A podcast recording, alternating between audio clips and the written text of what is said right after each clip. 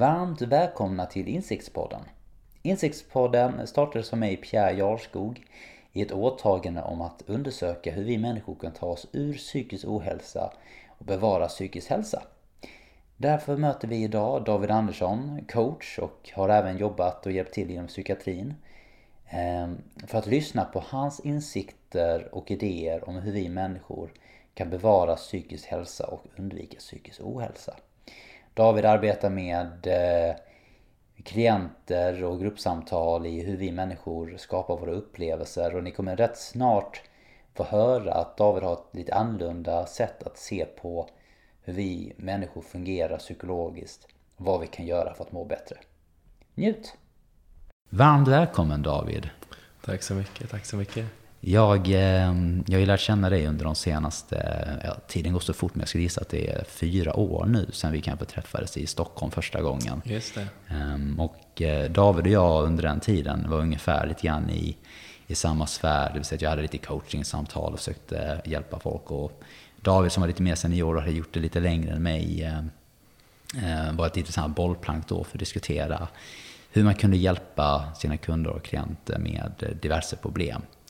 Och då slås, slogs jag just av vilket djup David har som inte jag upplevde att jag har, hade på den tiden. Jag kanske fortfarande har det. Men därför kan man säga att tyckte jag att det vore så intressant att prata lite grann idag med dig mm. David just om hur du ser på dina klienters olika bekymmer och hur du själv har kommit till att förstå de bitarna som du faktiskt hjälper dem med och vilka insikter som har tagit dig från att kunna identifiera ett problem hos en själv eller hos någon annan till att kunna faktiskt hitta en väg ut för dem också genom att förlita sig på deras, eh, jag vet att du pratar mycket om inre visdom eller vi... förnuft och ja. Ja, de här sakerna som man kan tycka att vi borde ha mer tillgång till. Eh, men som du ändå guidar folk igenom. Mm. Men jag tänkte David, du får gärna berätta lite grann om dig själv först och ja, hur du kom att börja arbeta med den här typen av frågor. Ja, alltså för mig började det ju eh, redan liksom i tonåren. Så. Eh, jag såg något klipp med eh, Kjell Enhager tror jag, Jag AB. Sådär. Mamma hade fått med någon VHS hem från jobbet som de hade där. Och han pratade liksom om eh, att man kunde säga att man gjorde rent istället för att man städade och då fick man en helt annan känsla och då tänkte jag ah, shit vad coolt sådär. det här måste jag lära mig mer om och så börja någonstans en liten, eh, vad ska man säga, väg emot eh, personlig utveckling och sådär. Ehm, och sen tog det fart eh, liksom mer ordentligt när jag var runt 20 sådär. Jag ville ha den här typen av samtal, hjälpa folk att må bättre. Um, och läste liksom det jag kom över och jag vet inte om Youtube fanns men jag hittade väl klipp någonstans liksom så här. Och mycket så här, inspelade föreläsningar med så här, gamla gubbar som Jim Rohn och allt vad de hette, de här pionjärerna i personlig utveckling. Liksom. Så lite av en självhjälpsknarkare på den tiden. Um, och trillade då över någonting som hette NLP, eh, som var en teknikbaserad förståelse. Så där, jag tänkte det här måste jag liksom lära mig, det verkar superkraftfullt. Så. Eh, gick en utbildning i det. Eh, hittade en ny förståelse som kallas för The Three Principles. Det var ju liksom inom den världen du och jag fick kontakt på något sätt. Så, så att det har varit um, en um, ganska så lång resa egentligen från tonåren. Som först var att jag satt på kammaren och försökte liksom förstå mer om hur man kunde göra sin vardag mer lätt eller så här, och hitta lyckan och allt sånt.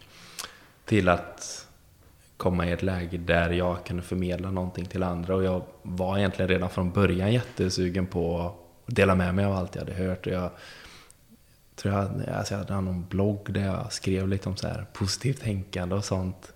Där eh, för massa år sedan. Och sen har ju det liksom utvecklats mer och mer. Eh, ja. Så där någonstans började jag egentligen kanske börja redan tidigare med att jag funderar väldigt mycket eh, redan runt 14-15 på okej, okay, vad är det för mening med allt det här? Så, eh, men det liksom alstrades riktigt ordentligt när jag trillade in i självhjälpsvärlden. Liksom, så där, så, ja, där någonstans. Ja, jag förstår. Men kom det, kan man säga att eh, kom det nyfikenhet? Kom det från att eh, saker och ting själv var tufft då? Eller det var bara att eh, det var just den här VHS-kassettet som plötsligt kom att ändra riktningen för fokusen? Ja, alltså det var ju, som jag sa redan tidigare, så jag hade en, en i min familj liksom som tog livet av sig. Och där någonstans kommer jag ihåg att jag gick till skolan och jag frågade mamma sådär vad... Alltså, ursäkta språket, men jag sa att ja, varför i helvete ska jag göra någonting som jag inte har lust med liksom? Den här personen i mina ögon hade ju gjort precis det han ville och var ganska framgångsrik på det. Och han valde liksom ändå att avsluta det på det här sättet. Um, och där någonstans så började jag ju se igenom lite, även om jag inte fattade det då, så var det lite den här äh, karriärsfällan som många går i. Liksom att okej, okay, nästa steg, då, då mår jag bättre. En befordran till, då tjänar jag lite mer pengar, då kommer jag må bättre. Liksom. Um, så där började ju någon typ av utforskande. Så. Men det kanske låg och bubbla fram till att jag såg det här VHS-bandet och tyckte att det var superfascinerande med att med så små medel som att ändra lite ord så kunde man få en ny upplevelse av den situationen man var i. Liksom. Och där man kunde se the silver lining i någon jobbig situation eller sådär.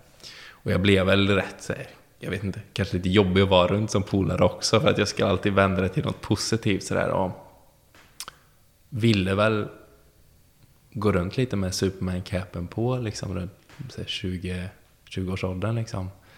Vara den här positiva snubben sådär. Um, det finns ju fördelar med det också, men det är ju väldigt eh, ansträngande att vara den positiva snubben eller ha en idé om sig själv som den positiva. Liksom. För det är en ganska tung mask att bära. Alltså. För att eh, livet är ju inte bara, bara positivt. Alltså, vi har ju känslor åt alla håll. Så där, så, ja. eh, det har liksom blivit mer och mer... Jag känner själv att ju längre åren går, desto mer finkalibrerad syn får jag på mitt eget känsloliv och hur jag kan förhålla mig till mina tankar och känslor snarare än att förändra dem och få bort de jobbiga tankarna och du vet, jobba massa med sig själv. Sådär. Att det, det finns ett annat sätt att förhålla sig till det liksom, än att hela tiden vara i kamp och krig med sig själv. Så. Och, och, under den här då, så du, så du säger att du börjar känna dig lite mer finkalibrerad och du ser saker och ting lite mer klart nu. Kan du, kan du förklara lite grann hur saker och ting för jag kan tänka mig att när du utforskat så mycket som du har gjort för det under rätt många år, mm. som du då, som du sa, du kollade in NLP och det var klassisk självhjälp och mm. motivation och det är ju, oss, vi alla som har varit i självhjälpsträsket lite grann kan ju, man kan ju se röda trådar i många av de här böckerna, men sen kan det skifta väldigt mycket hur någon tyckte mm. att den saken betydde i det kapitlet och sen var det en annan bok, det var det liksom, det var det 180 grader annorlunda. Hur, hur kan du se att eh, hur saker och ting, eh, hur såg det ut innan och hur har det utvecklats längs världen? Och vad ska man säga, var, varför tycker du att så som du ser saker och ting nu, hur är det annorlunda från hur det såg ut i början? För, alltså det var ju, så som jag kom in i det, så var det mycket det här man brukar prata om, interventionsbaserade modeller liksom. Så man har en situation man inte är nöjd med eller några känslor som man inte som inte är så behagliga eller tankemönster man inte vill ha. Och så går man in och så med tekniker och strukturer eller jag vet inte, viljestyrka så tränar man bort det liksom. Och det var ju så jag... Alltså, det var det bästa jag hade då. Så därför gjorde jag det liksom. Jag körde tekniker och sånt på mig själv och försökte få bort mönster och det skulle vara den här positiva, glada färg... Du vet, granna eh, personer liksom. Eh, och det är klart att det, de teknikerna lever ju kvar för att det finns kraft i dem. Liksom.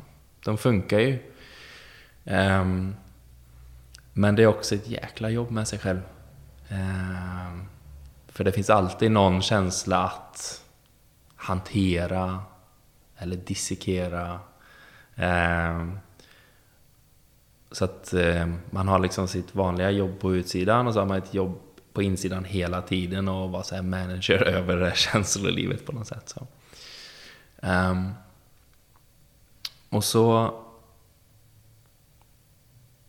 såg jag till slut att, ja just det, det är bara tankar, det är bara känslor.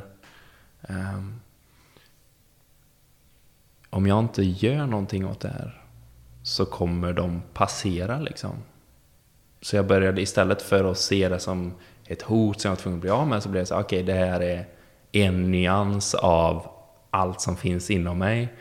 Om jag avvaktar en stund så kommer snart en ny tanke, en ny känsla. Och med den nya tanken eller nya känslan så kommer också ett nytt perspektiv på det där problemet jag trodde att jag hade. Liksom. Um, och det för mig blev ett mycket mer varsamt förhållningssätt till mig själv. Liksom. Um, att det pekar mot att okej, okay, det där välmåendet som jag ville uppnå liksom. Jag tänkte så här, ja men lite lyckligare, lite mer, du vet, hypad. Och jag hade någon så här, tror jag, lite förvrängd bild av att jag, skulle, jag vill bli lycklig liksom. Så här. Men det var inte förrän senare jag såg att det jag hade tänkt på var typ så här, vinna VM-guld, eufori liksom. Och det är ju också, det är ju skithärligt verkligen. Men senare så såg jag att ah, det jag egentligen var ute efter var ro. Alltså den här uh, sköna känslan att gå igenom vardagen och ha en grundtrygghet liksom. Eh, och att kunna ha de här super-euforiska topparna. Men också att kunna vara mer och mer bekväm med att ha dalarna. Sådär.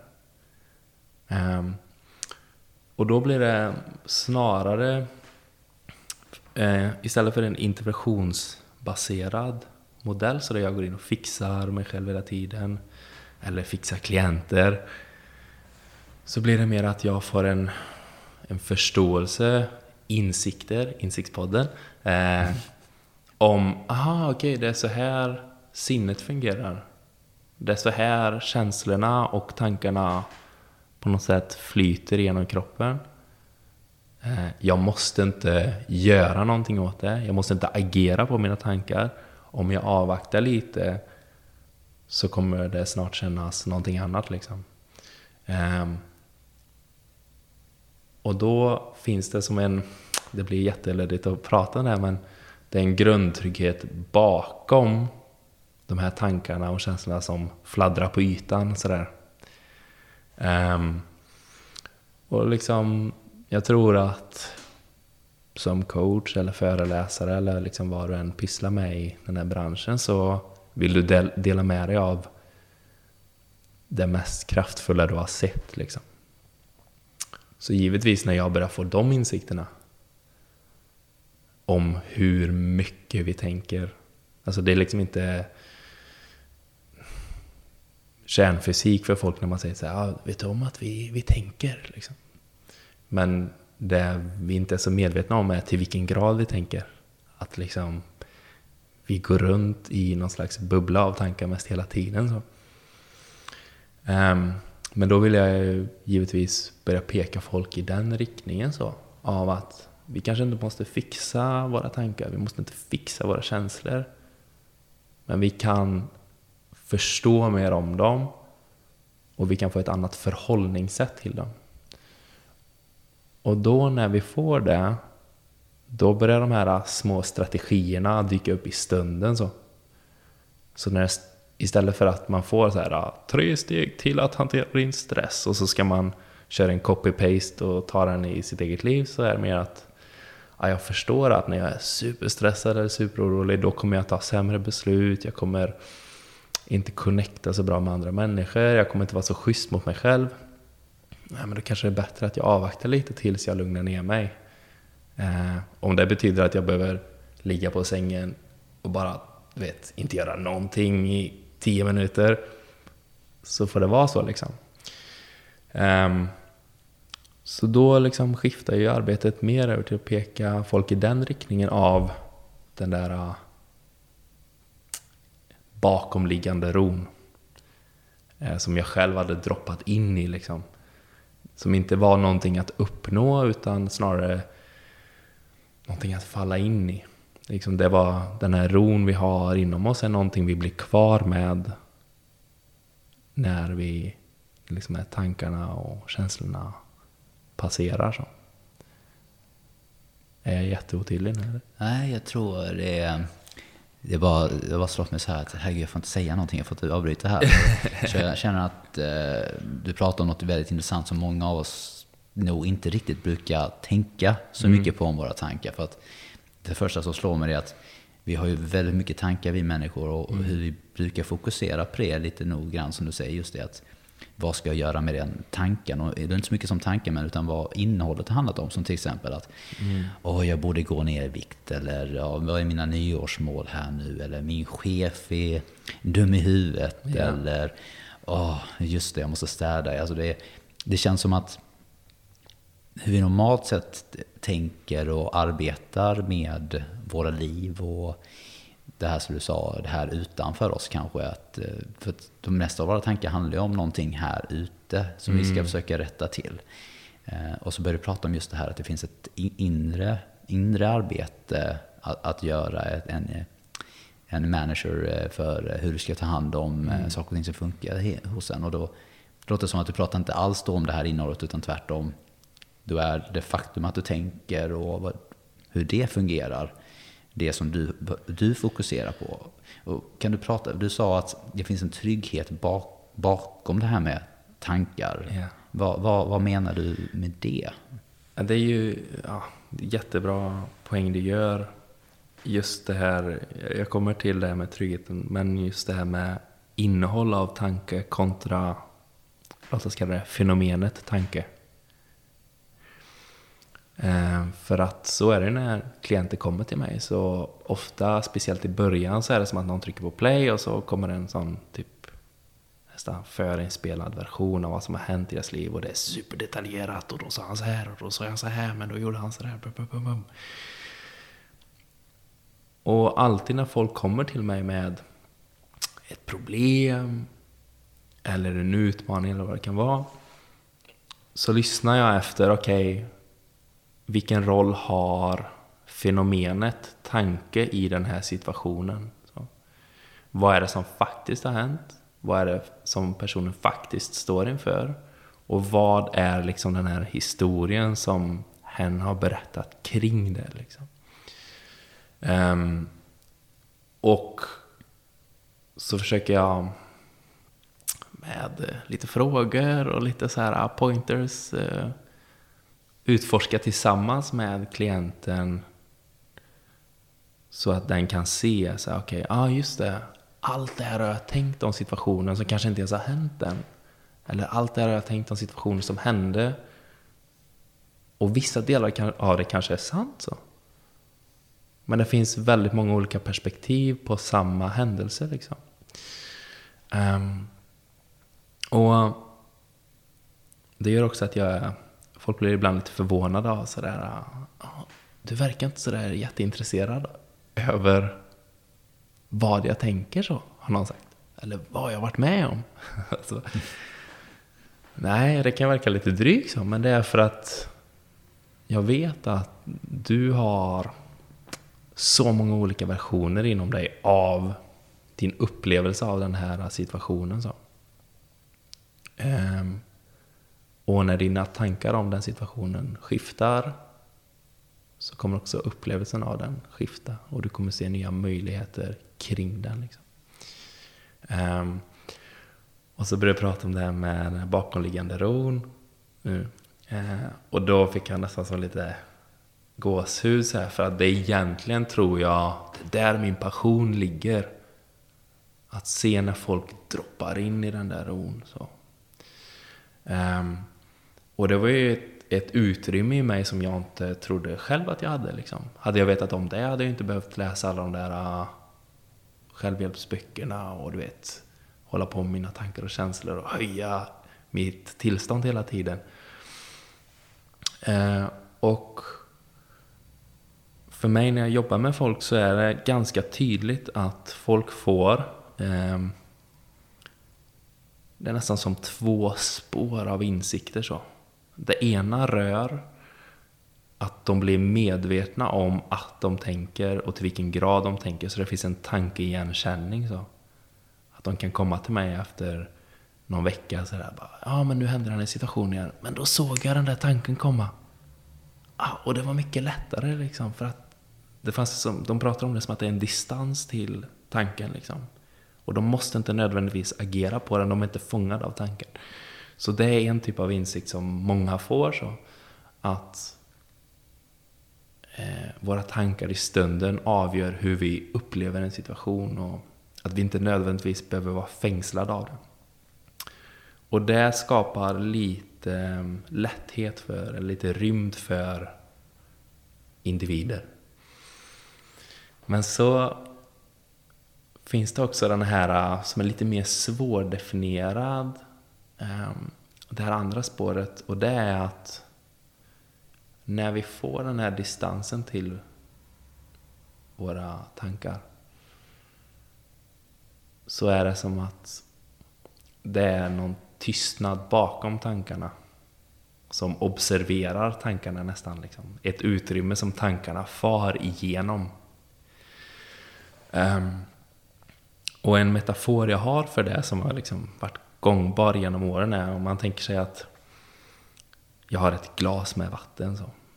Och det här äh, vattnet i glaset är klart och sikten genom glaset är klart. Och så häller jag i så här fin, fin konig sand i glaset. Så nu, även fast vattnet är rent, så liksom sikten är inte klar längre. Och jag tänker, nej jäklar, det var inte så mysigt det här liksom. Jag vill ha tillbaka den där klarsikten. Så. Eh, och mitt gamla sätt att hantera det på var ju liksom att försöka liksom reda upp sanden i glaset själv. Så jag går ut i köket och hämtar en tesked och börjar vispa. Liksom. Oh, I den här självhjälpsboken så kan jag vispa med sol så skulle det liksom ordna upp sig. Eh, och så vispar man, vispar, vispar och det känns inte bättre och sikten blir inte klarare heller. Så tänkte jag, ah, nej men i den andra boken så stod det att jag skulle bara vispa fram och tillbaka. Liksom, så jag började göra det. Det känns inte bättre heller. Och till slut så tröttnar man. Så man säger, nej fuck it, jag, det får väl bara kännas skit då liksom. Sikten får vara oklar. Så man ställer ifrån sig glaset. Och så rätt som det är så börjar sanden i glaset sjunka. Och den där klara sikten i, i glaset kommer tillbaka. Så. Um, och det jag försöker peka folk mot är att vi är inte våra tankar. Vi upplever våra tankar. Eh, men våra tankar liksom flyter omkring i det utrymmet som vi är, vad det nu är. Eh, på samma sätt som att, våra, alltså att den här sanden i glaset flyter omkring liksom i, i vattnet. Så. Men om vi avvaktar lite, om vi inte agerar på våra tankar, om vi inte tar dem på allvar till samma grad, så sjunker de undan. Och det vi blir kvar med är det här rena, klara vattnet. Och den här... Liksom, det vi blir kvar med i oss själva är den här ron, den här tryggheten. Och det är ingenting vi behöver prestera eller uppnå eller göra. Utan det är liksom våran baseline. Jag brukar ibland prata om att det är, liksom, det är vår grundinställning eller att det är vår medfödda ro, vår medfödda trygghet. Så. Och om man vet om det, om man har lite tillit till att om jag avvaktar en stund nu, även fast det känns skitjobbigt, så kommer det kännas bättre. Ehm, och när jag ser de klienterna falla in i det. Ibland är det som att man hör, om jag har telefoncoaching till exempel, att man är på andra sidan. Ah. Okej, okay. så får jag fråga så här, vad händer nu? Ah, jag vet inte riktigt, det bara känns väldigt behagligt så. Um, svårt att prata om för att det är så formlöst. Ja, jag tänkte... För det är väldigt fascinerande för att vad jag, vad jag hör ändå vad du försöker peka mot, mot det här glaset och vattnet och, och sanden, det är hur mycket av det vi ser på Facebook eller Aftonbladet, hur mycket av det är just de här olika teknikerna som du säger för att röra bort sanden mm. eller bli av med dem. Du säger de här tankarna som vi har, vill säga sju sätt att sova bättre mm. eller eh, tre bättre tekniker för att bli mer och mer produktiv. Och, och, min egen upplevelse från det du säger lite grann, om vi tar till exempel när jag inte kan sova bra, då är det nästan som att jag går igenom steg för steg alla de här olika grejerna som kan förstå det här sju steget till att sova mm. bättre. Och ligger där frustrerad fortfarande att det liksom inte fungerar och jag bara kan inte sluta tänka på så här, vad, ska jag, oh, vad ska jag göra nu? Och någonstans konfronterar man att ja, ja, det är lönlöst, jag kommer inte sova i natt. Och precis då ungefär när man bara släpper att jag måste sova, precis som jag då ser dig som att du har dragit då eh, pennan fram och tillbaka i glaset för mm. att få standen och silla. Att du låter plötsligt allting vara. Det landar sig till ro, som du säger då, att det, det sjunker ner till botten mm. och så plötsligt gör jag det som jag gör varje natt, somnar. Ja, exakt. Det är, är det lite det du pekar Ja, att det finns en... Um, eh, som en gravitation i vårt inre liksom. Eh, som att eh, det är liksom psykets egna immunförsvar på något sätt. Så. Ehm, och det är också ett återkommande tema med dem jag jobbar med. Liksom, att vi har en stor tillit till att kroppen läker. Liksom.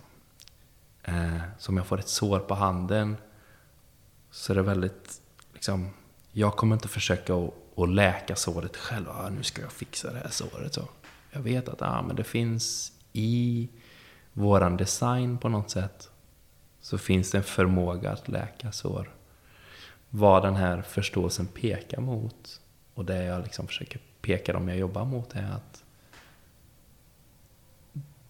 den där designen har vi även i psyket liksom. Att om vi avvaktar lite, om vi låter eh, det här systemet arbeta så kommer det fungera bättre än om vi ska gå in och fixa det hela tiden. så. Okej, det är ju det är väldigt intressant för att det, upplevelsen är ju nästan tvärtom hos människor. Att, det vill säga att man upplever att någonting, alltså just som du säger, man vet och vi har ju lärt oss från det att vi var unga att ja, vi sätter på ett plåster och så låter vi det vara. Mm. Man sitter ju inte och, och, man lägger inte så mycket tid på att tänka på att en sår ska läka utan mm. man vet att kroppen gör det, det tar vi för givet. Mm. Eh, och, äh, även om man inte tänker på det, men eh, det är ju rätt fantastiskt. Jag behöver inte koncentrera mig på att mitt hjärta ska slå eller att jag ska andas. Men när det handlar om vår psykiska hälsa så är det nästan upplevelsen, skulle jag tänka hos många människor, att saker och ting är inte bra och jag måste göra de här bitarna. Och när jag kommer då blir framgångsrik och snygg tjej och alla de här grejerna, då, då kommer jag inte gå runt och tänka på de sakerna mm. hela tiden, för då har jag allt det där och då mm. känner jag det som är lycka för att jag har alla de här grejerna och det är det som vi människor måste ha för att må bra psykologiskt nästan. Det. Eh, och det känns nästan som att allting i världen, oavsett om det är ett Disney-avsnitt här nu där du ska hitta ett magiskt svärd för att rädda en prinsessa och ska du dräpa en drake. Det är precis som att för att vi ska må bra och vara lyckliga så är det ju nästan 180 grader från det du säger att det skulle finnas någonting inneboende, att det skulle finnas någonting mm. som vi inte behöver arbeta på så mycket. Kan du prata lite grann hur, för dina kunder då som kommer, de måste ju lite grann tänka så kan jag tänka mig. Det vill säga just mm. hur kan du hjälpa mig då att nå dit eller bli av med det här? Hur låter ett coachingsamtal kanske, eller ur ett speciellt problem och ja. hur du lyckas hjälpa dem? Alltså, när de först kommer så har jag ju liksom som ett intakesamtal. Vi bekantar oss lite. Jag får fråga lite om varför de har tagit kontakt och sådär. Det kan ju gott vara att de har mål de vill uppnå liksom. Ehm, men det jag är intresserad av då är ja, varför ska du uppnå det här målet? Och om det är för att då kommer jag må bättre så är jag liksom, jag vet att det kommer inte det kommer inte funka. Du kommer fortfarande ha dig själv med dig när du kommer fram till den nya befordran eller den där nya bilen eller vad det nu kan vara liksom. Um, så vill man jobba på sina mål, då är ju liksom inte jag killen man går till. Liksom. Då kan jag gladeligen hänvisa dem till någon som jobbar mer så, att uppnå saker. Så. Men om man är intresserad av, och det brukar jag ofta fråga så, okej, okay, det låter som att du vill ha en rikare upplevelse av livet, du vill ha lite mer ro, lite mer, eh, liksom vara mer tillfredsställd i din vardag.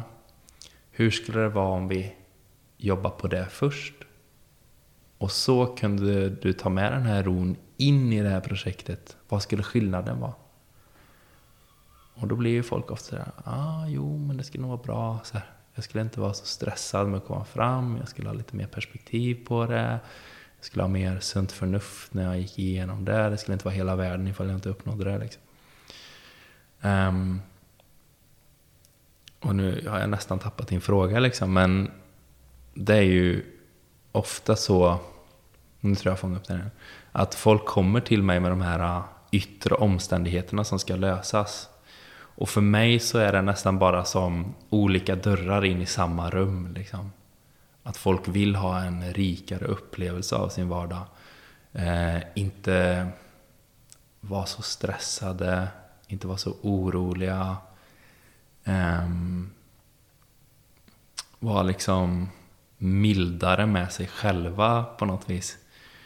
Och det, det älskar jag att prata om med folk. Liksom. Eh, för att när det är på plats, när vi börjar ska man säga, falla in i den där bakomliggande ron av att jag är okej. Okay, liksom. Det händer massa konstiga grejer i mitt liv nu, men jag är i grund och botten så är jag okej okay och det kommer bli bra. Liksom då är det mycket av vårt beteende och mål som faller bort.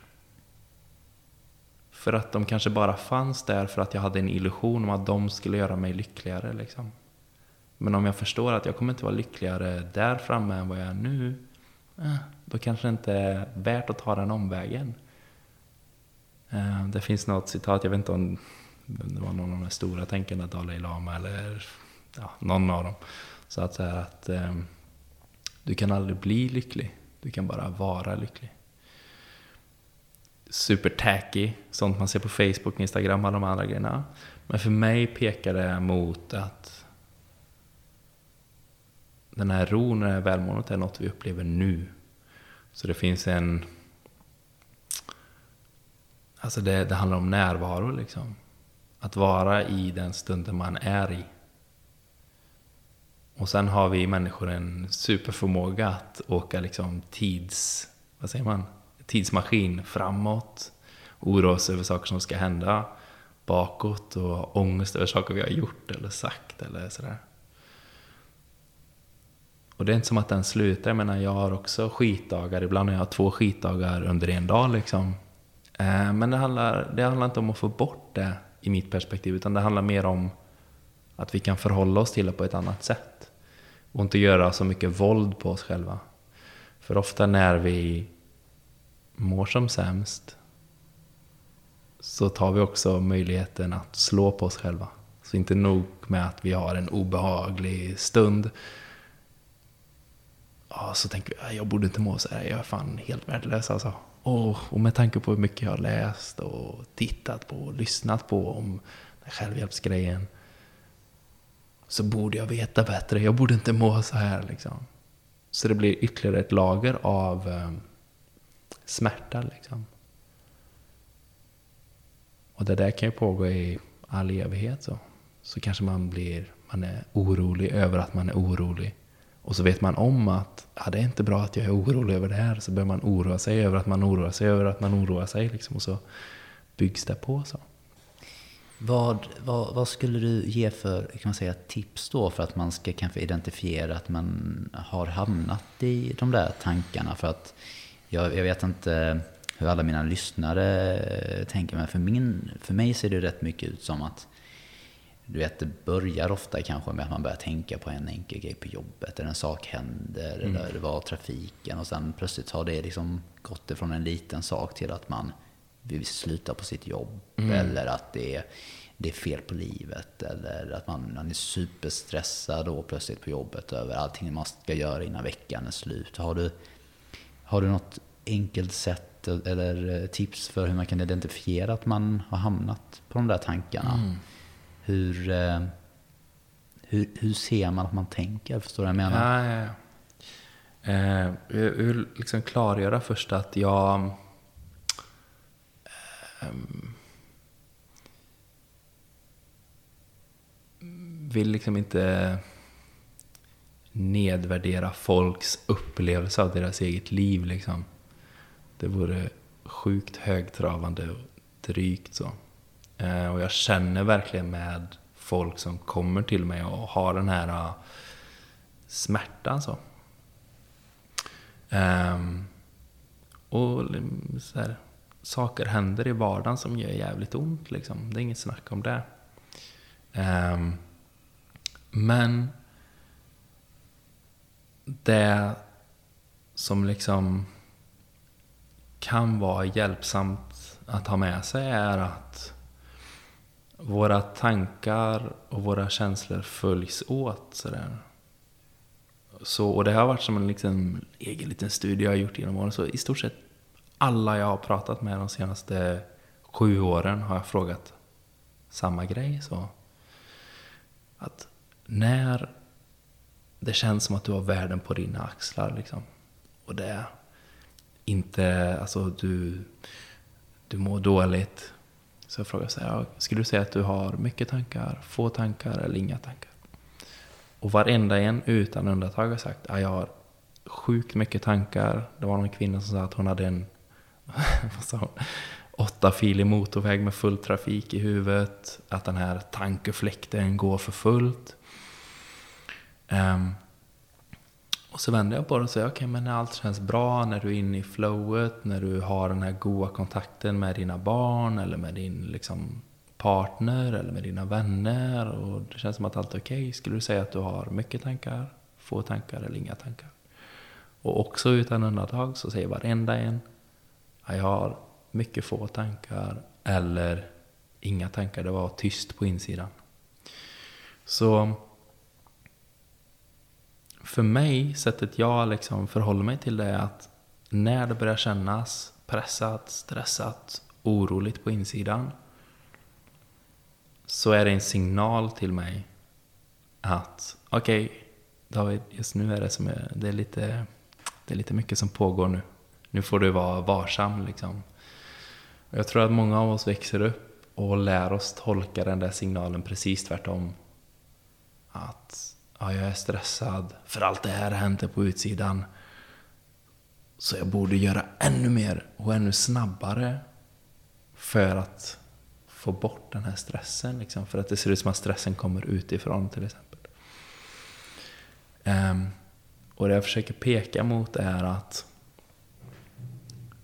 den där äh, stressen är snarare en, en varningssignal till oss att just nu så har vi jättemycket tankar. Så jag brukar säga att äh, eh, vår känsla i stunden är den bästa feedbacken vi har på hur mycket klarhet vi har eller hur mycket tankar vi har i stunden. Jag säger det igen. Vår känsla i stunden är den bästa feedbacken vi har på hur klart vi ser en situation eller hur mycket tankar vi har i stunden. För om ja, du som lyssnar går till dig själv Tänk efter nästa gång det känns sådär pressat eller den här oron i bröstet liksom. Skulle du säga att du har mycket tankar? Eller få tankar? Och bara bli varse om att det finns ett samband där liksom. Och vi behöver inte, vi behöver inte få bort de där tankestormarna. Men vi behöver inte heller inte agera på dem. Liksom. Um, och en, ehm, ett sätt att tänka på det är att om jag kör bil och så åker ut på motorvägen här så finns det de här räfflade ränderna i kanterna på vägen. så. Och de är ju där av en anledning. Så jag brukar fråga mina klienter sådär, ja ah, så kör du och så kommer du över de här linjerna. Så, så låter det bum, bum, bum, bum, bum, bum, bum, bum. Så frågar jag så här, ah, okej, vad, vad tror du det är en signal på? Vad är det, liksom, vad är det den där, det där hackandet vill säga dig? Så säger de, ah, men det är för att jag ska liksom vakna till så jag inte ska köra i diket. Ja, okej. Okay. Så när du har det här hackandet i bröstet så, den här pressen, den här stressen, det här obehagliga, taggiga, giggiga, vad tror du det är en signal på? Och så blir han sådär, ah, just det. Det är att jag, jag är på väg att köra i någon slags tankedike liksom. Så det är snarare att vi har det här uh, känslorna, alla våra känslor, det är så mycket visdom i dem liksom.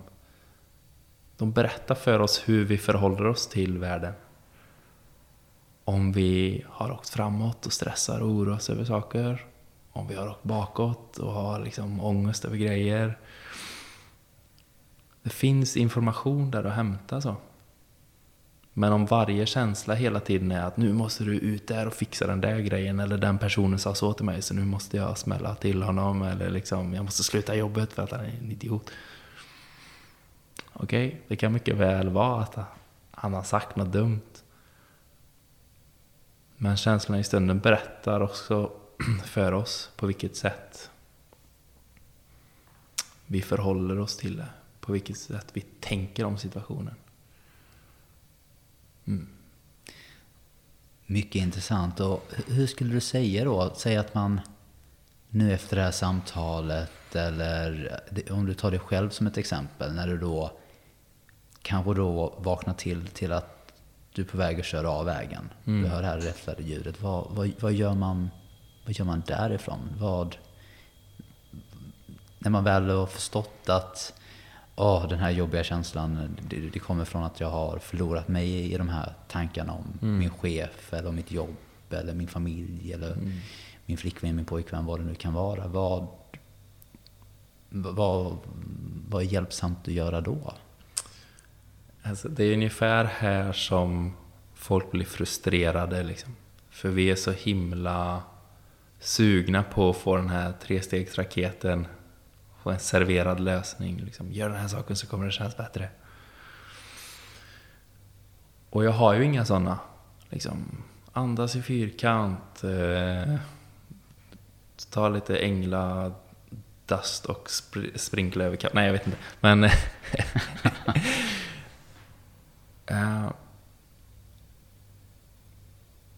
men återigen, den här inbyggda designen som vi har att våra tankar, våra känslor är temporära. Liksom. De är verkligen som molnen som passerar på himlen. så. Um, och vi som bor här i Göteborg vet verkligen vad det är att ha skitväder för det regnar ju alltid från sidan i den här stan. Alltså. Ehm, men om man vet om det, ja, det känns piss nu. Men det kommer gå över. Då är allt jag behöver göra att avvakta. Så. Eh, och jag kan ju bara tala för egen del så, men jag menar, när jag kom in i den här förståelsen, det här fältet, den här typen av arbete, så var det ju givetvis superbefriande att få de här ah, stunderna av otrolig på något sätt, närvaro där det det bara var tyst liksom. Eh, så den här ah, ska man säga, högsta nivån av mående ökade liksom. Men nästan mer befriande för mig genom åren har jag märkt har varit att jag kan må sämre och sämre och sämre och jag behöver inte göra någonting åt det. Eh, och det har varit så nära att, ja gud vad gött. Jag det känns verkligen, verkligen dåligt nu. Men om jag avvaktar lite så kommer det kännas bättre. Så det finns en tillit till att saker och ting kommer passera. Liksom. Eh, och det kan ju vara när det stormar riktigt ordentligt så på insidan. Och ibland så kan man fortsätta med sin dag. Eh, för att man har saker man ska göra, ställen att dyka upp på. Och ibland så kan det vara att, ja, okej, okay, nu är det så att det stormar så mycket så att jag liksom jag skulle knappt kunna gå och köpa mjölk utan att det blev fel. Liksom. Så um, hade, nu, nu, ska, nu kan jag dela med mig av någonting. Um, jag hade en situation uh, för två år sedan. Jag jobbade inom psykiatrin också. Och eh, vi hade en eh, patient som rymde. Liksom. Så jag fick jaga efter personen. Och det var sådär 20 centimeter snö, min kollega kraschade i någon backe och jag blev liksom stående själv med den här personen som var 15 centimeter längre än mig och vägde 10 kilo mer. Också supersugen på att komma fri liksom. Och så har jag förstått i efterhand när jag pratat med vänner som är psykologer så att ja, det du beskriver att du hade efter det akut PTSD liksom. Eh, och då var det som att hela mitt system var på alerten alltså. Jag kunde liksom inte, eller jag kunde, jag var på ICA och handlade någon gång och så var det lite mycket ljud och lite mycket folk runt omkring. Och min fru kollade på mig och sa, är det jobbigt nu? Jag sa, ja nu är det riktigt, riktigt jobbigt så. Och det, det kom som i svallvågor av att hela det här systemet bara kickade igång. Boom! Adrenalin, allt. Och då var jag väldigt lycklig över att jag hade den förståelsen sedan tidigare av att saker och ting passerar. Så det jag kom på att göra i stunden då, som en liksom så här, äh, liten strategi bara för den gången, så var nej, jag lägger mig här på sängen, jag kommer inte göra ett dyft nu liksom. Jag kommer inte försöka fixa det, allting kommer bara få kännas nu. Så gjorde jag det en stund. Ja, och så kändes det bättre. Och så var det som vanligt. Så kom en ny svallvåg. Och så fick man liksom... Okej. Okay. Och så gick det över. Ja, och så akut PTSD, från vad jag har hört, fungerar så att det klingar av liksom under de där en eller två veckor. Och så det där mest akuta. Och så under kommande halvår så är det borta liksom. Um. Vad, vad står PTSD för? Är det alltså panikångest eller? Uh, för oss som inte är... Posttraumatiskt stressyndrom står det Okej, okay, posttraumatiskt stress. Uh, och då var det super, super viktigt för mig, liksom, eller viktigt, men det var otroligt hjälpsamt att jag förstod i stunden att jag behöver inte göra någonting åt det här nu. Och det är det som är så kontraintuitivt också, att när vi vill fixa saker som allra mest i vår vardag, när liksom varenda cell i kroppen skriker Gör det här nu, liksom fixa det! Då är det ju det är då vi är som minst kapabla att göra det oftast. Liksom. För vi har helt tappat perspektiv. Så vi är så otroligt inzoomade på den där äh, situationen och framförallt våra tankar om situationen. Liksom. Och det, det är ju en... Eh, det är liksom nästan lite så kosmisk humor. Så. Att vi vill lösa det så mycket. Och så är vi som sämst utrustade i stunden för vi har tappat all mental verkshöjd att lösa det. Det är ju mm, lätt att förstå varför vi kan inte gå en dag utan att läsa av att folk mår sämre eller vad det är. För att vad jag hör från ditt sätt att förklara det så är ju det är en väldigt bra förklaring på varför saker och ting blir jobbigare och jobbigare. Vi försöker mm. röra om mer och mer. Vi är mer övertygade om att någonting mer är fel. Och när vi får den här känslan mm. så försöker vi lösa den på alla tusen olika mm. sätt. Och och därför väldigt bra samtal att ha här. Insiktspodden tror jag just att, att vi rör sig om en, någonting som kommer inom oss. Alltså att eh, vi får kolla inåt för att förklara hur vi mår i stunden mm. snarare än att koncentrera oss på vad som sker runt omkring oss som jag ändå hör att du säger. Och att det handlar så mycket om att vi måste göra saker för att må bättre eller hitta den här ron. Utan det låter som, så som du förklarade, att om vi kan lita på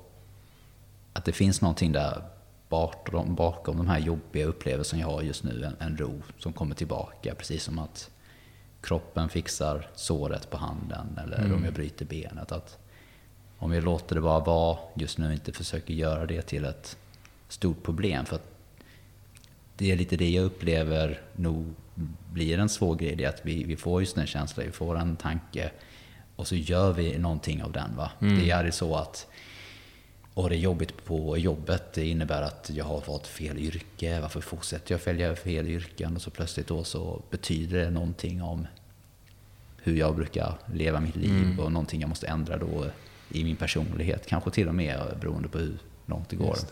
Men att vad du säger till folk är att upplevelsen kommer passera för det är en tillfällig illusion av den tanken du har i mm. stunden. Och det, är liksom, eh, det slog mig en sak att det är ju semantiskt, liksom. det ligger ju i hur vi pratar om det också. Men så som jag upplever det så är det inte att eh, den där ron försvinner eller kommer tillbaka. Liksom. Den är alltid där underliggande. Och vi glömmer av att den gör det. Så i stunden så, boom, om vi kollar på det här glaset med sanden i, liksom, så istället för att komma ihåg att ah, det är vi som är det här klara vattnet. Så zoomar vi på en, ett sandkorn liksom. Eller på ett, ett gäng sandkorn i klunga. Ah! Och vi glömmer av att, ah, just det, vänta nu, jag kan hålla det här. Jag, jag är tillräckligt stor för att hålla de här känslorna. Jag är tillräckligt stor för att... Och jag menar inte stor i någon grandios... Eh, på något grandios sätt. Att oh, jag är fantastisk, jag är... Eh, utan mer... Att det, det är okej okay, liksom. Vi kan, vi, kan, vi kan hålla det i oss. Och inte trycka undan det, inte liksom säga det här, det här finns inte, jag mår jättebra. Utan mer, det här känns jättejobbigt nu. Men det är okej. Okay. Och det är en stor skillnad liksom. Ehm, då är vi inte fångna i våra tankar, våra känslor. Utan de är mer som gäster som kommer på besök. Liksom. Och de kan få vara där. Det är okej. Okay. Men det krävs också, tror jag, att man har börjat förnimma den här bakomliggande ron. Att man förstår att okay, det finns ett alternativ till det här extremt inzoomande, personliga, jobbiga problemet. Att det finns någonting nästan som bakom vår personlighet. Som är tystare, lugnare, mer rofyllt. Och sen kanske är vår sanna identitet egentligen. Liksom. Betryggande ord, eh, onekligen får man säga i, den här, i de här tiderna. Eh, men David, om vi tar då till exempel, säg att vi börjar förstå den här biten om oss själva mm. eh, lite mer och börjar lita på den processen. Säg då de vänner eller den familj vi har eller eh, kanske ett barn. Eh, vår son eller dotter, när de börjar må dåligt. Eh, har du något tips till föräldrar eller familjemedlemmar vad, hur, man, hur man hjälper någon att... För det, det verkar ändå som att det krävs ju en del insiktsfullt, alltså att titta in på sig själv för mm. att komma till grund för detta. Men vi vet ju själva hur det var innan man kanske såg då att om man nu börjar utforska detta, att det kan mm. vara sant. Hur, hur hjälper man någon som kanske inte är där? Ja, det är ju en... det kan vara en snårig väg sådär för att... Speciellt med privata relationer så. Vi är ofta såklart väldigt investerade i att de omkring oss ska må bra. Liksom. Um, och ibland är det nästan som att våran goda ambition om att hjälpa någon eller fixa någon faktiskt kommer i vägen för det där läkandet. Så. Um, och jag menar, jag har inga barn själv. Ehm, men givetvis har jag liksom bekanta som i perioder mår sämre och sådär. Jag menar, så som alla jag mår själv dåligt ibland. Liksom. Jag tycker det är också en del av självhjälpsvärlden att vi ibland kan hymla med sådär. Att vi också är människor liksom. Men det jag, det jag vill och försöker göra är att se den där um, friska kärnan i personer. Även om de själva inte kan se det i stunden. så. Och um,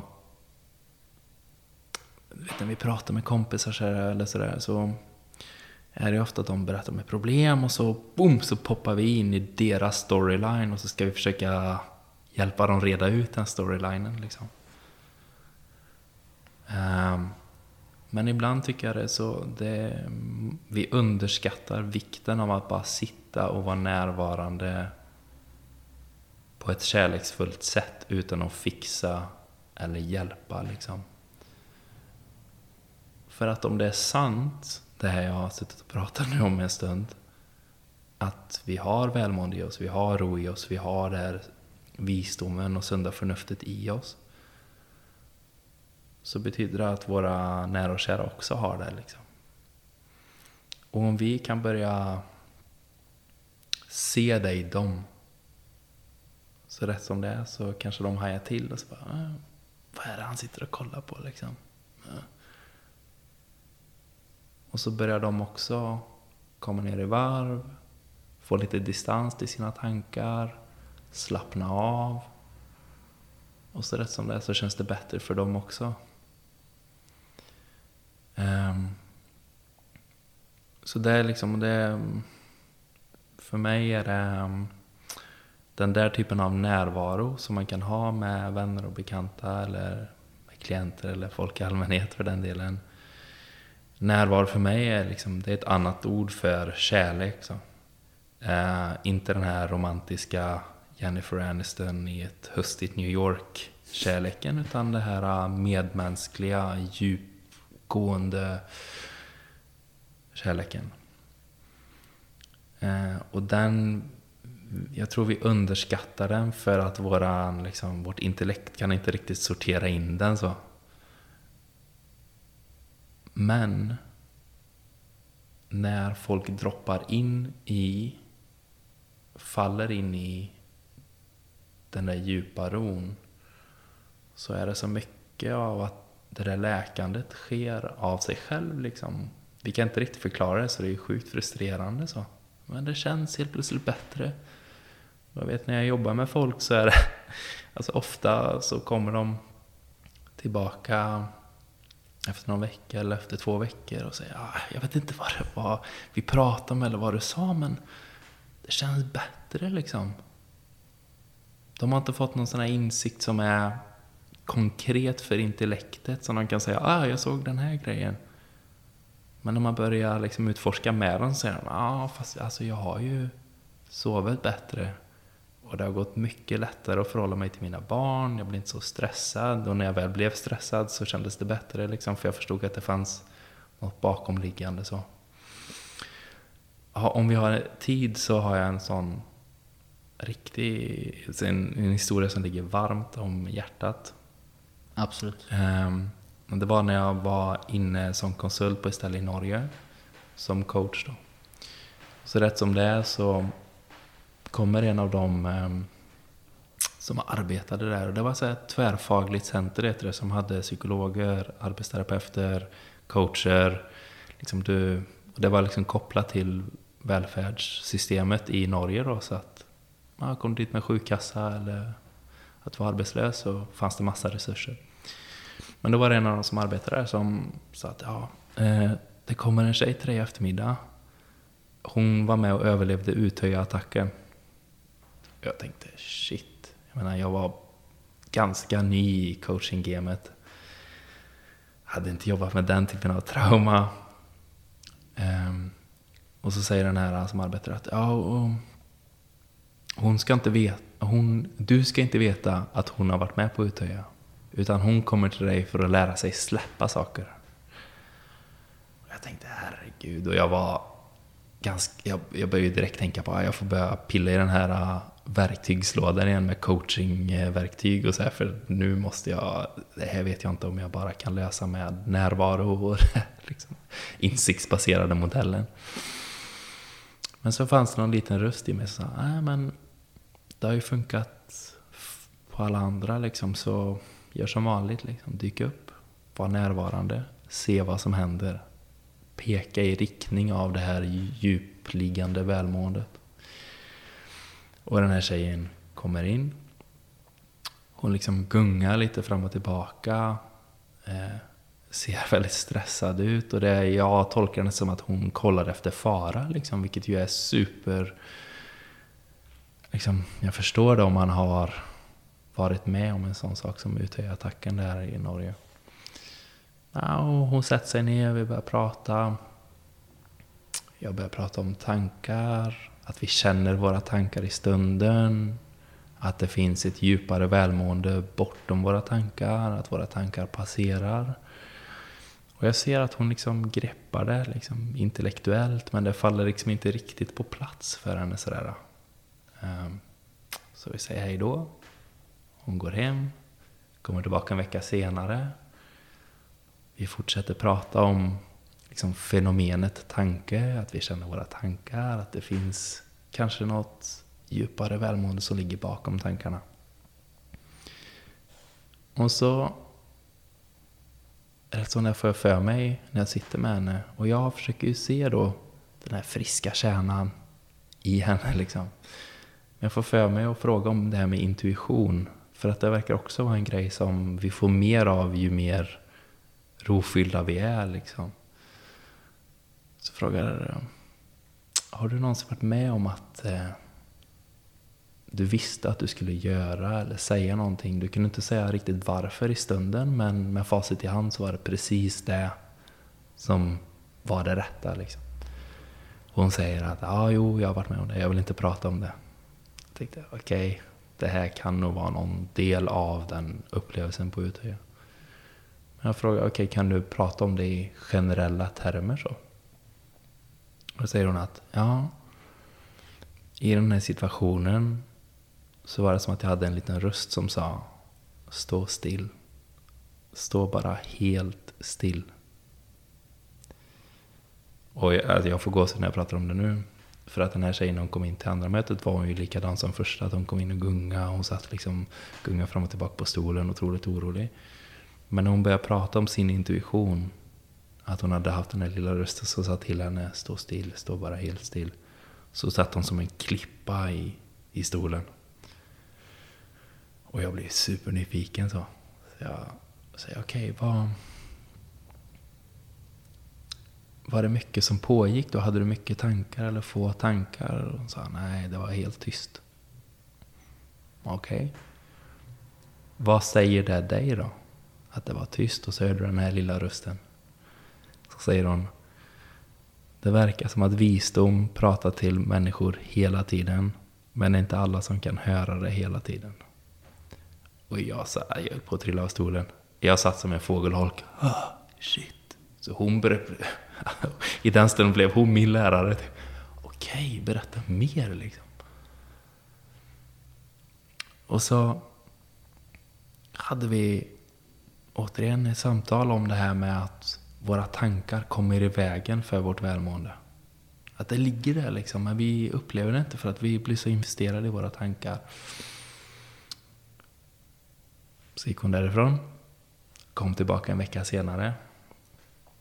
In i rummet kommer en tjej som vilken som helst. Inte det här gungandet, den här stressiga blicken som hon har haft de två tidigare tillfällen. Sätter sig på stolen. Och jag tänker, nu, vad är det här nu liksom? Så jag frågar, du, vad, hur har du haft det sen sist? Eh, jo, det hade varit bra. Jag hade en panikångestattack. Okej, okay. men det verkar inte som att det bekommer dig så mycket. Eller liksom var det någonting nytt i hur du kunde förhålla dig till det denna gången? Och så sa hon det att eh, ja, denna gången visste jag att det skulle gå över. Liksom. Okej. Okay. Ja.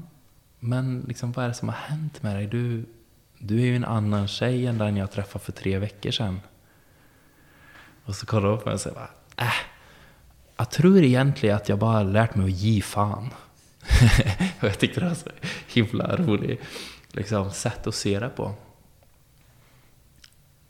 Och då kunde jag inte hålla mig längre så jag sa, har du lagt märke till att vi har inte pratat en sekund om vad du var med om? Vi har liksom inte tagit upp eh, något av det du såg. Eller liksom. Och det slog henne först då. För Det enda vi hade pratat om var det fenomenet tanke. Att vi känner våra tankar i stunden. Men att vi har ett, ett bakomliggande välmående, en ro eh, som inte försvinner, liksom, men som vi glömmer av temporärt. Och det var sånt kvitto för mig på att ah, om den här tjejen kan falla in i det så snabbt, ja, då, då är det tryck i den här förståelsen alltså. Och det finns förändringar. Jag hade liksom inte arbetat med henne på att hon skulle vet, känna sig trygg. Eller vi hade inte bearbetat innehållet av hennes tankar eller någonting.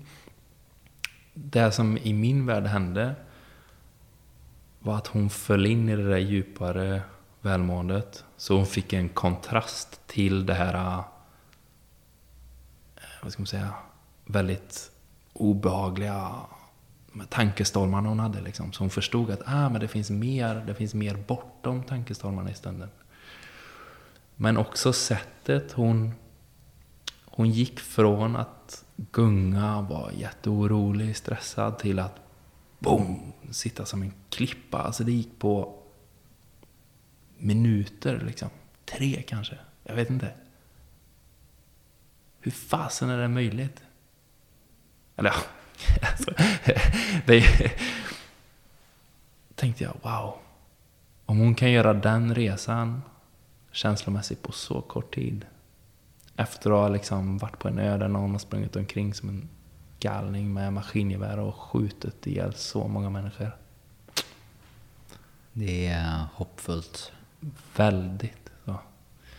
Ehm, så för att återkoppla till det här med våra nära och kära. Om vi kollar i riktning av vårt eget välmående. Om vi tillåter oss själv bara en gång att inte göra någonting åt våran stress, åt våran oro, åt allt det vi ska fixa. Och vi bara känner på hur det är liksom. Att falla in i någonting bortom tankarna. Så vi får den upplevelsen för oss själva. Att det finns ett utrymme i oss. Så kan vi börja se det i andra människor. Och kanske kan de börja se det själva också. Ehm. Så det är liksom mitt lilla tips, att inte fixa andra så mycket. Liksom. Utan att kika mot den där friska kärnan. Sen finns det givetvis insatser vid akuta tillfällen liksom. Där man behöver åka till en läkare liksom. Det är som ett, bryter man benet så kommer det inte det läka enbart. Man kanske behöver rätta till och få ett gips liksom. Eller för den delen medicinering så. Det finns definitivt ett utrymme för medicinering också. Men det kanske inte är den enda insatsen vi ska förlita oss på utan det behöver finnas ett djupare utforskande också än att bara kemiskt gå in och bryta en tankespiral. Liksom, sådär. Mycket intressant David och det roliga är med... Eh, det är ju stor skillnad på min intuition i detta fallet och eh, den här tjejen på Utöja såklart. Men det, skulle, det tänkte vara en intervju detta, men min intuition här under hela samtalet är bara avbryt inte David, låt han prata. ja, det är och, det. Ja. Eh, jag är rätt rätt övertygad om att eh, just på grund av det så kommer det här samtalet också uppskattas. För jag känner att du har sagt väldigt mycket och eh, många saker som jag tror vi inte riktigt är i kontakt med speciellt ofta eller som ändå förklarar varför saker och ting har blivit bra i efterhand eller, mm. och dylikt. Ehm, så jag tackar så jättemycket för det och ehm, har du något sista du skulle vilja lämna lyssnarna med efter detta samtalet? Jag tänkte att jag skulle, så här, det här skulle jag vilja hamra ner liksom. Och det kändes som att den, blev, den poängen blev lite inbäddad i den där sista historien om eh, den, den norska tjejen. Så. Men det är att eh, vi har, du har mer välmående i dig än vad du tror. Eh, och att vi behöver liksom inte fixa oss själva eh, till den grad vi liksom blir matade med. Um, det finns ett sånt otroligt värde i att vara mild med sig själv. Vi har ju en gemensam eh, bekant, George Pransky, som brukar prata om att vara, ja, min svenska översättning är att vara tacksam över sina toppar och mild med sig själv i sina dalar. Eh, och det är liksom något som jag själv försöker leva efter för att vi är så duktiga på att slå på oss själva när vi mår som sämst. Liksom. Och det, det känns inte bättre och det gör ingen nytta. Liksom. Eh, men bara som en liten ord av förtröstan så, så är det liksom att du är okej okay och du har välmående i dig. Och om det inte vore för dina tankar i stunden så skulle du uppleva det. Insiktsfullt. Ja, Tack så mycket David för eh, din medverkan och eh, att du delar med dig av dina insikter. Tack för att jag fick vara med i den här goa podden. Tack så mycket.